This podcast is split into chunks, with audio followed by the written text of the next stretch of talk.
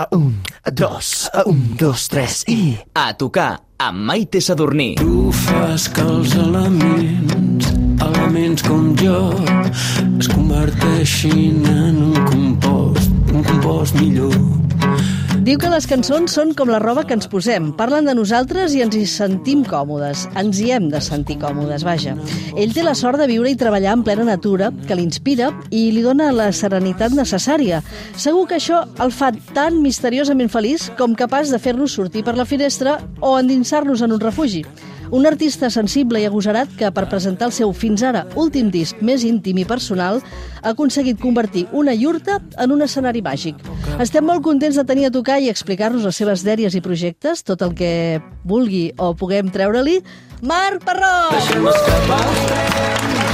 Moltes gràcies. Marc, benvingut. Gràcies. Molt contents, molt contents de Jo tenir-te també, aquí. de veritat. I sempre és un moment molt valuós tenir-te a tocar, però ens ha semblat que ara, 15 mesos després de- d'haver publicat el teu 11è disc Refugi, Mhm. ara amb aquesta nova tanda de concerts que venen aquests propers dies i setmanes o mesos, doncs Sí. era un bon moment per xerrar amb tu. I per tant. perdre el temps també, no? Com dius en aquesta cançó que ha sonat una miqueta. Jo dic perdre el temps com una cosa de luxe, eh? I tant, Sí. perquè perdre el temps vol dir, eh, per exemple, el que hem fet ara, que és asseure'ns aquí còmodament en aquest banc, eh, i ja que estem en aquesta aturada al mig del teu trajecte, mirar endavant enrere o fer aquesta ullada de 360 graus, no?, que sí. fas amb bueno, el refugi. 360 tornem a estar al mateix lloc. Ah, sí, esclar.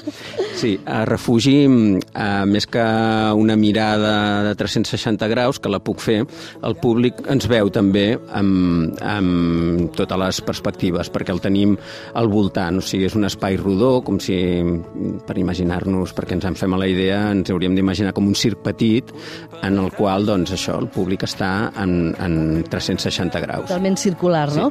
Eh, ara, quines imatges et venen al cap que portes tot aquest eh, trajecte ja recorregut, eh, presentant el disc i amb totes aquestes experiències i tants escenaris que heu anat muntant? Uh, de l'espectacle, cares. És curiós perquè normalment en els concerts eh, habituals, no, més ortodoxes, no acostumes a veure la cara del públic perquè tens llums que t'enlluernen i com a molt veus de passada algú, no? I, i sí que perceps no, el, el feeling que hi ha, però en aquest és especialment mm, intens perquè estàs en tot moment rebent el feedback de la gent només amb, amb la manera de mirar-te, amb si estan cantant, amb com... I no només la, de, la del públic, sinó també la dels músics, perquè molt sovint ens estem també mirant entre nosaltres. Entre vosaltres, esclar, Sí. esteu mirant així, esteu enfront, no? Sí. Eh, vaja, pels motius que tens molts motius Per això. sentir-te feliç. Molts. Home, i si no els tens, te'ls has de buscar. Això és No, un home, no. exercici que l'aprens a fer Això, no? això ha d'omplir moltíssim, no? Aquesta proximitat i tot això que ens has dit que, que pots experimentar Sí. amb el públic tan a prop. Sí, Vaja, és- ara estava pensant en fer honor al llibre de, del poeta Joan Margarit i fer també honor al programa a tocar perquè ens toquis en directe eh, potser era el primer tema que va treure el nas del disc, no? Aquest misteriosament feliç. I tant, Sí? i tant. Doncs aquí estem més que mateix. feliços de tenir-te a tocar. Marc Parrot. Som-hi.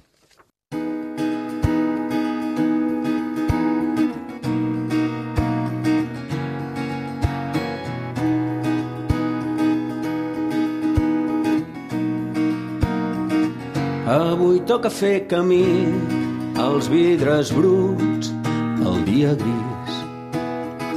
Condueixo a poc a poc, m'adapto al ritme dels camions. Avui, per sort, no tinc son.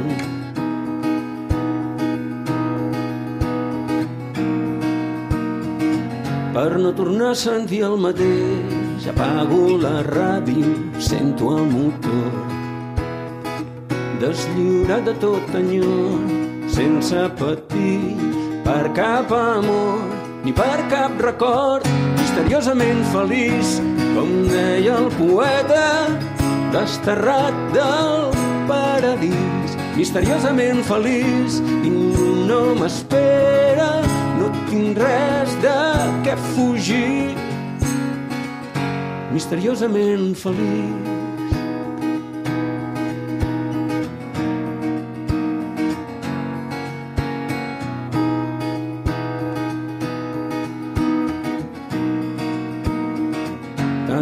Fa el que no he après, el que ningú ensenya és el que et serveix. No em preocupa el que faré, passi el que passi, m'estarà bé. No espero res, misteriosament feliç, com deia el poeta, desterrat del paradís. Misteriosament feliç, ningú no m'espera, tinc res de què fugir. Sota efectes de l'encís, de qui mossega la cirereta del pastís, secretament despert, lúcid per veure que per les esquerdes la llum es va fent camí, misteriosament feliç, com deia el poeta, desterrat del paradís. Misteriosament feliç, ningú no m'espera, no tinc res de què fugir. Misteriosament feliç, res més a entendre, res més a perdre, res més precís. Misteriosament feliç, lúcid per veure que per les esquerdes la llum es va fent camí.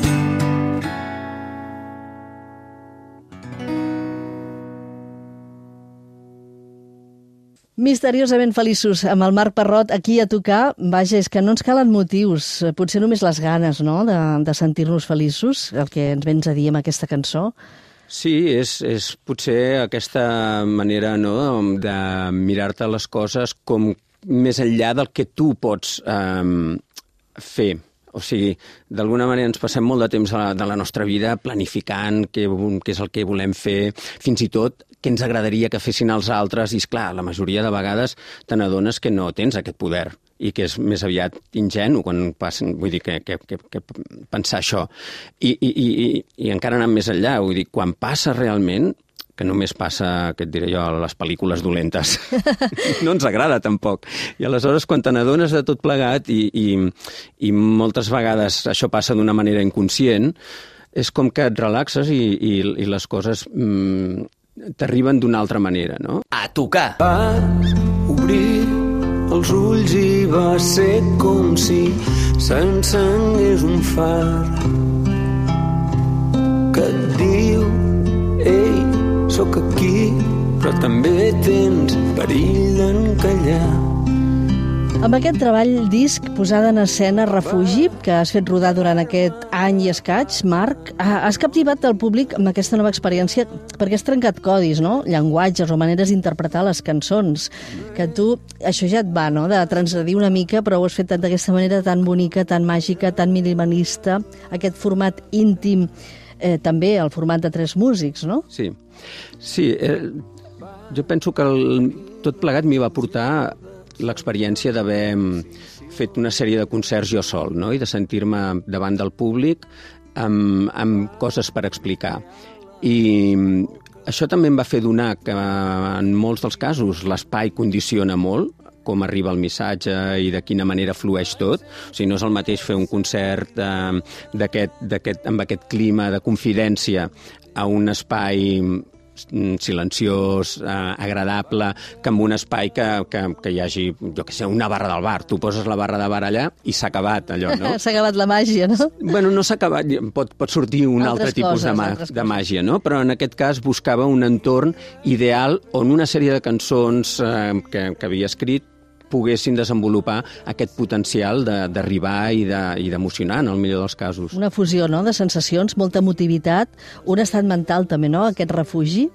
Sí, d'entrada sortir ja del que és habitual no? i posar-te en un espai que no és gens conven convencional i que alhora el, el, el moment de plantejar-nos l'espectacle suposava un repte tan gran que vam haver de capgirar el guió del, del que és un, una posada en escena de cançons. Tu, més o menys, et pots imaginar què passarà al proper concert que vagis a veure, no? Saps que, que doncs, es, es generarà una expectativa en el moment abans de que surti el cantant, doncs probablement hi haurà unes pantalles, no? i canviaran poques coses, el disseny de llums, però mm, tindràs la presentació dels músics amb el solo de cada un d'ells, els visos quan ho demani. Doncs nosaltres vam trobar-nos amb un espai que tot això era impossible, i no només era impossible, sinó que qualsevol impostura quedava ridícula I llavors vam haver de capgirar... Només deixar-se portar, no? I, i, I viure cada sensació i cada moment en cada concert i, i a cada lloc i, Sí, i a però cada això, això moment. t'ha- tu t'has de comprometre amb aquest. De, És molt arriscat, eh? Bueno, has de... Encara que sembli molt senzill, però alhora és complex. Has d'estar preparat per, per mm, dir, bueno, pues, això és el que faig i ho faig el millor que puc, però arribo fins aquí, tots els errors es noten molt, tot... És com sortir o en sigui, és- pilotes directament, o sigui, estàs Exacte, molt, a més, molt, molt una- despullat, no? Sí, molt, sí, però si molt ho fas- exposat. Si ho fas amb, amb, amb de veritat, amb honestedat, um, bueno, això és, és el que hi ha. I la gent, almenys els, els que han vingut, connecten. I suposo més agraïda aquesta manera de connectar amb el públic? Per mi, molt. I pels músics mm, amb els que ho fem és una passada. Escolta, ara que estem així amb aquest toc així tan, tan íntim d'aquesta connectivitat amb el públic, per què no ens fas un, un, altre, va, un altre tema aquí a tocar? Marc Parrot, va, volem sentir-te una altra vegada en directe. Bueno, vale, d'acuerdo. Quin ens faràs, quin ens faràs? Faré tu i jo. Molt bé, molt adient pel moment.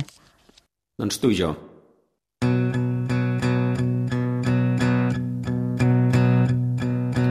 Tothom té alguna cosa amagar. Tothom fa una ombra amb el que vol mostrar, però jo no vull saber què és el que amagues, no et preguntaré.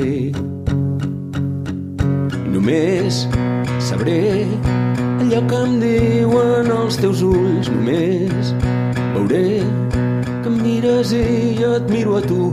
Quan tot és clar i no ens cal saber res més mirar-te és un plaer. Perquè tu i jo tu i jo estem per sobre de tot. Per sobre de la sort per sobre de l'amor. Perquè tu i jo hem sortit del cel i de l'infern ens vam trobar ja no ens perdrem. Tu i jo per sobre els núvols del dels cims tu i jo volant cap a tots els destins banyant-nos despullats a cada llac de gel que hem desglaçat. Perquè tu i jo, tu i jo estem sobre de tot, per sobre de la sort, per sobre de l'amor, perquè tu i jo hem sortit del cel i de l'infern, ens vam trobar ja no ens perdrem.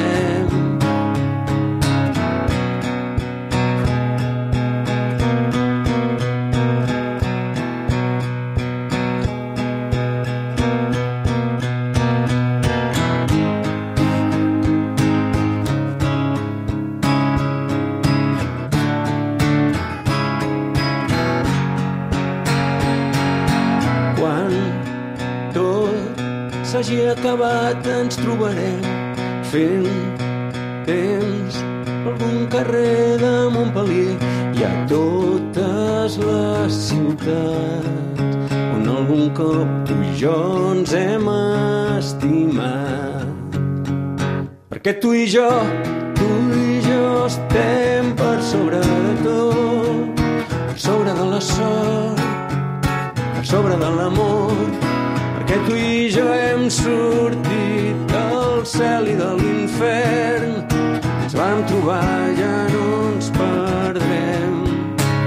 Perquè tu i jo, tu i jo estem per sobre de tot, per sobre de la sort, per sobre de l'amor, perquè tu i jo hem sortit del cel i de l'infern ens vam trobar, ja no ens perdem.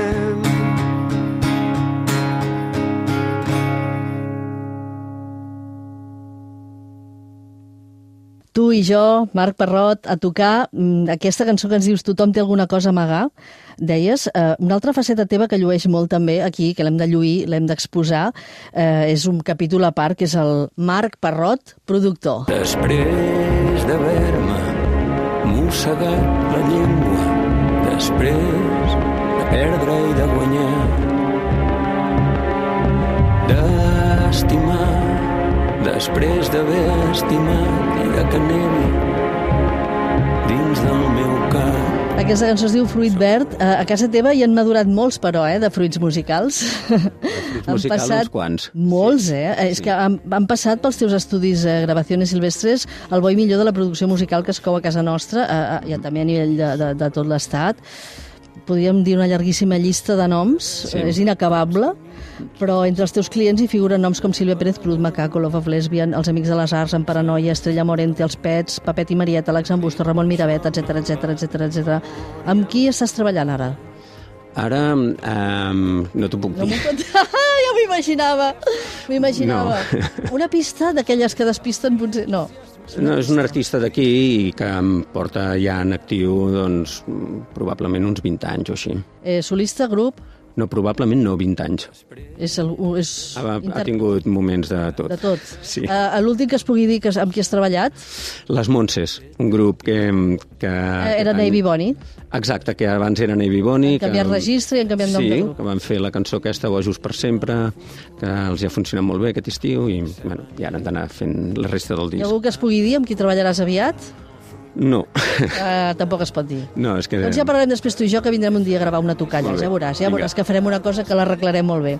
Des de fa uns anys també ets coproductor del disc de la Marató de TV3, Marc, Sí. on has hagut de lliurar batalles com aquesta. Fantàstic. Totes fossin així, no, les batalles? Home, i tant.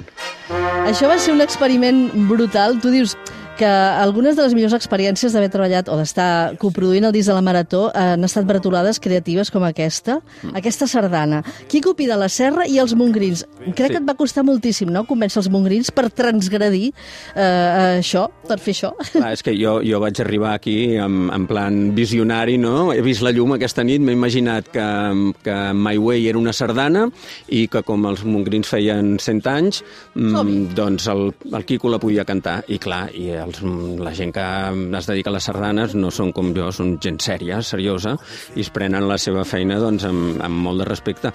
I aleshores, clar, el primer que em van dir és que, que em penjarien.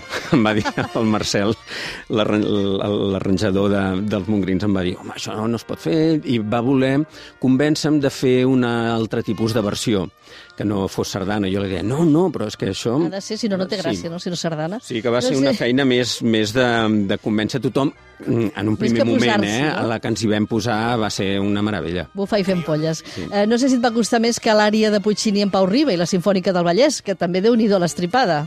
Pues sí. Sí, sí, a veure, clar, Pau Ribas és un cantant molt peculiar i llavors posar-lo dins de la tessitura aquesta del bel canto és, és un... Registre difícil, complex. Ja prometia i efectivament va ser molt, molt divertit, molt intens i, i crec que el resultat molt guai. Això i molt més has aportat, Marc, a la, a la Marató, eh, en aquesta produ coproducció. Què ha significat per a tu aquesta responsabilitat? Mai ho he vist com una responsabilitat.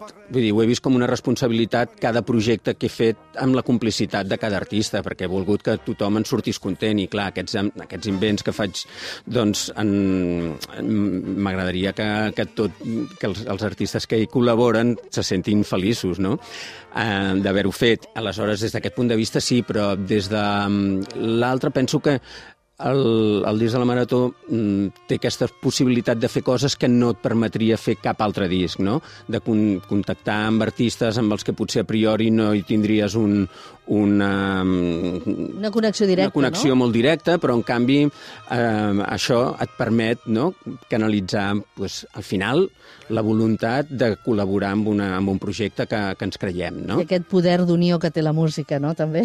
També. Avui ens escapem una mica de les presses. Avui tenim a tocar Marc Parrot, que ens ha obert el seu preciós i valuós refugi. No ens conformem, no és suficient, ningú vol ser tan sols de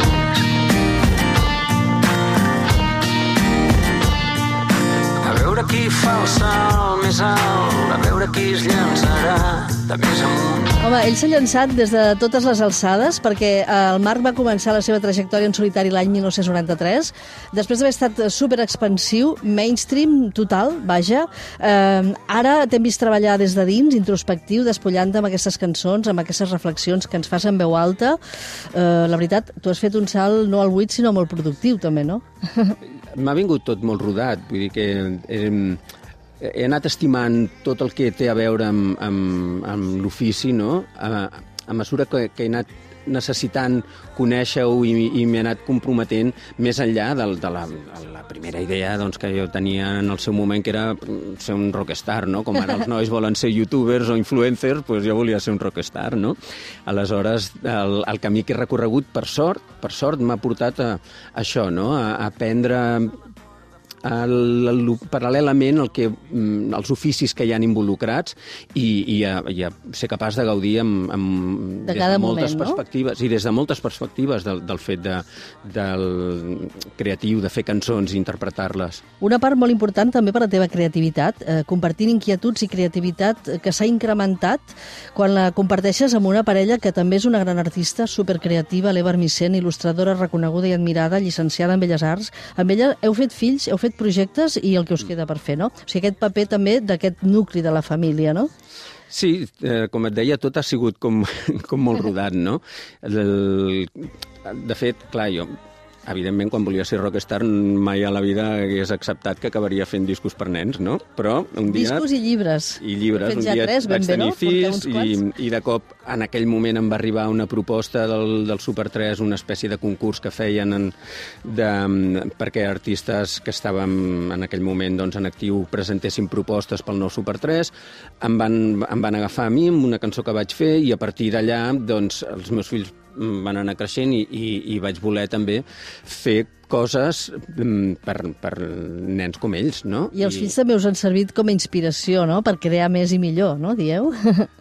Com un motor, també, sí. com un motor. Eh, La inspiració després ha vingut treballant, però sí, sí, el motor de dir, ostres, això que, que m'agradaria explicar-los als meus fills, no?, i que, els, i que tinc la sort de poder-los explicar doncs, a través de- d'unes cançons que saltaran molts filtres que, que, que, que els nens ja posarien si els hi haguessis d'explicar verbalment, no?, i, i a través d'unes il·lustracions, que passarà el mateix, doncs vaig a fer-ho extensiu i, i anem a fer que, que el, els pares que vulguin que els seus fills gaudeixin d'això, no?, pues ho tinguin també. De tot això, de tota aquesta màgia, de tota aquesta creativitat tan expansiva, eh, també se li dona la importància a l'entesa personal i sexual amb, el, amb algú. En aquest cas, hi ha una cançó aquí que m'agradaria, si estàs disposat a fer-la en directe, que parla molt de tot això, no? D'aquests això has dit moments sexual, eh? Perquè de com m'he vitals, quedat parat, no? dic, ui, la Maite aquí. No, no, no, no, no, que hi ha una cançó que parla de tot això, no? Tota aquesta química, sí. és química precisament, no? La, Sí. L'entesa personal,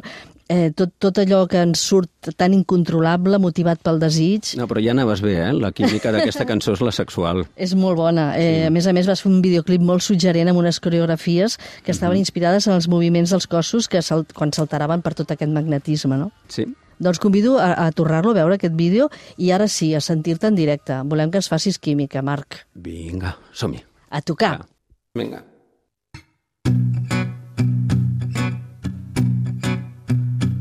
Quan em digueu, eh? Gravant? Química.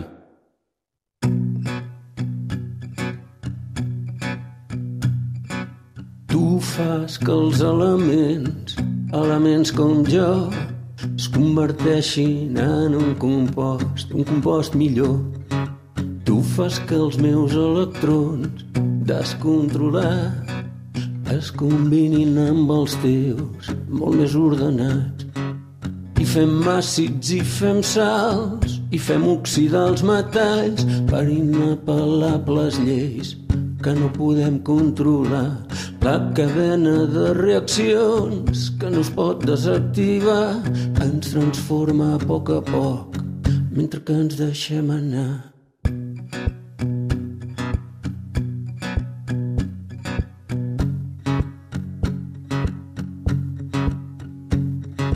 Deixem anar escalfor i humitat que el nostre cos va condensant a la pell. Regalima pel clatell, són bombes nuclears. fonts d'electricitat, forces que no aturarem, camps magnètics oposats, i ens fem nobles com el gas, i expandits formem part d'una atmosfera ideal. Tenim tots els components, barrejats són pura medicina efervescent.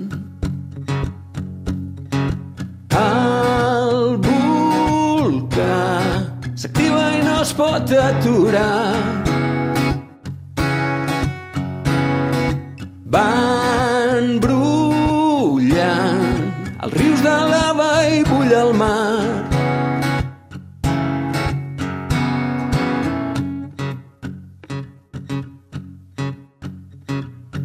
Tu fas que els elements, elements com jo, es rendeixin a la sort abans d'estar convençuts. Tu fas que un descregut s'hagi doblegat al davant de fets pels quals mai s'ha interessat. Fem més àcids, fem més salts, oxidem tots els metalls, fem-ho tot i fem-ho més. Deixa fer i em deixo fer, transformem-nos en calent, barregem-nos i ens fonem i deixem de ser aquells que ja no tornarem a ser alterats pel joc de l'electricitat.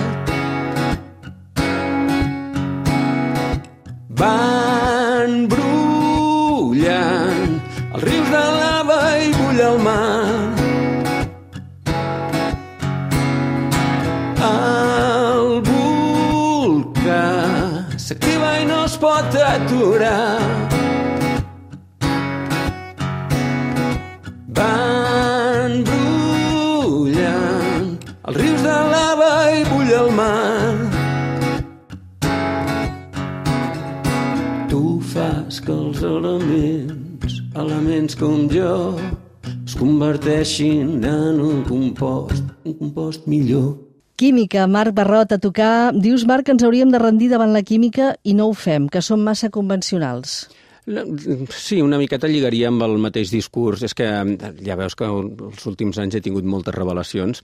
A veure, Però molt revelacions- interessants, eh? Ens agraden... Eh... Depèn de per qui, eh? Li dius a algú jove les revelacions aquestes i diu, "Pues, doncs vaya merda, i tu penses, doncs ja perdona, creixeràs. perquè tinc una filla de 20, i- clar, 20 i pocs ja comencen a madurar una miqueta, però eh, li va agradar moltíssim Misteriosament Feliç. Quan vaig treure el disc i se'n va enamorar i li vaig dir, ostres, quan, quan vegi el Marc li diré, li diré, perquè això està molt bé que aquest públic tan jove, que de vegades tenen eh, altres pardalots al cap, doncs Mhm. també els agradi aquestes coses. Per tant, tens públic molt ampli, eh? Bueno, ja em quedo més tranquil. Jo vaig posar la bomba per enderrocar-me. Vaig fer esclatar el meu poble, el bar i l'escola.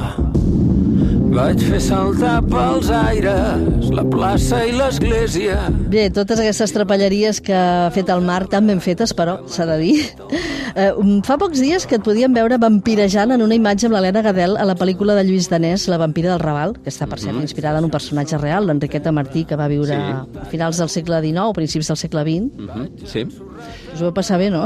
sí, ens ho... a veure, uh, vaig llegir un cop una entrevista del Tom Waits que deia mm, el cine m'encanta, diu, però a partir d'ara demanaré que em paguin per les hores d'espera, diu, perquè diu, estic moltes hores esperant i després la- l'actuació dura 15 minuts i efectivament va ser exactament el que em va passar a mi l'altre dia, però durant tot aquest espai, doncs, com teníem tot aquest maquillatge, aquesta perruqueria, jo feia que no anava a la perruqueria a més de 40 anys. No, no tant. Però, però clar, va, va ser molt divertit. Va costar reconèixer-te amb aquella perruca que Sí, portaves. Uh, Marc, què tens ara en aquests moments entre mans? Què s'ha estat coent a la factoria Marc Parrot? Doncs mira, um, um, uns quants concerts aquí a Barcelona i després també per, per, per tot Catalunya, amb, encara alguns de refugi amb la Iurta, com el del 29 de febrer a Torelló, Per exemple, aquest serà el primer que farem amb Jurt aquest any, però en farem uns quants més a Calella, a Figueres, ara no recordo molt bé, però en el meu web es pot veure, i, i ja la, la setmana vinent comencem una sèrie de concerts del circuit en Barcelona Districte Cultural. Tots els trobareu a la seva web, perquè en tens uns quants. Fins al Sí. mes de juny hem trobat a Figueres. Eh, després també, bé, eh, sí, com hem vist poblacions com Calaf, Sudanell... Eh, Exacte, vaja, sí, gràcies. Mm. al, a la web estan tots detallats, aquests concerts. Sí. Eh, Marc Parrot, moltíssimes gràcies per acompanyar-nos. Un plaer. Ha estat un plaer immens tenir-te a tocar. Jo no sé si has imaginat ja com serà o podria ser el teu proper disc. Li estic donant voltes ja. No, no, encara no, No li tinc... traurem res més, està No, claríssim. No, en tinc... Gran, gran músic i persona, Marc detalls. Parrot. No cal que hagis acabat de publicar un treball per venir a tocar. Sempre seràs benvingut, gràcies per la teva autenticitat, pel teu talent brillant, la senzillesa, el teu mestratge i aquesta sinceritat als quatre vents. Ha estat un regal, les teves cançons avui aquí en directe, úniques i extraordinàries. Les podem escoltar ara i d'aquí 20 anys, si cal. O sigui que Bueno, me'n vaig bastant tornem a trobar. ja, després d'aquest acomiadament. T'ho pots permetre, no sé Marc, si t'ho pots marxar, permetre. Eh? Em quedo aquí una estona més. una última abans de marxar. És l'únic que et Això demanem, mateix, aquest requisit. I tant, esclar Torna quan sí. vulguis. Això Gràcies. és casa teva. Moltes gràcies. Per què no ens fas aquest tanca el disc? Així ja ho fem tot reblat i rodó? I tant. Es diu Si un dia torno. Doncs ja saps, Si un aquí dia torno, t'esperem. tornaré a cantar. Torna aquí, que seràs molt benvingut. Marc Parrot. Gràcies. Si un dia torno.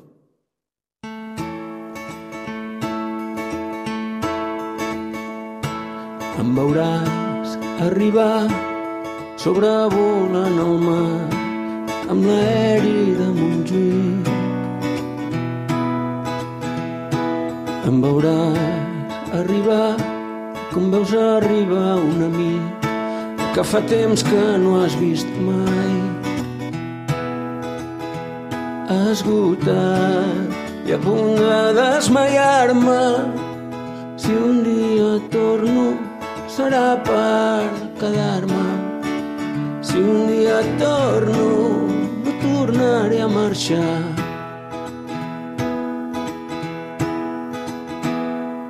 Em veuràs arribar galopant sobre l'asfalt a cavall d'un dolç record amb la roba d'abans foradada per algun tret i el barret esparracat carregat de diners per gastar-me. Si un dia torno serà per quedar-me. Si un dia torno si un dia torno et semblarà que he tornat d'una guerra deixaré caure les claus a terra. No caldrà que ens diguem res. I com quan sents sobre el cos una mà freda si un dia torno serà per sorpresa. Si un dia torno no tornaré a marxar però avui me'n vaig.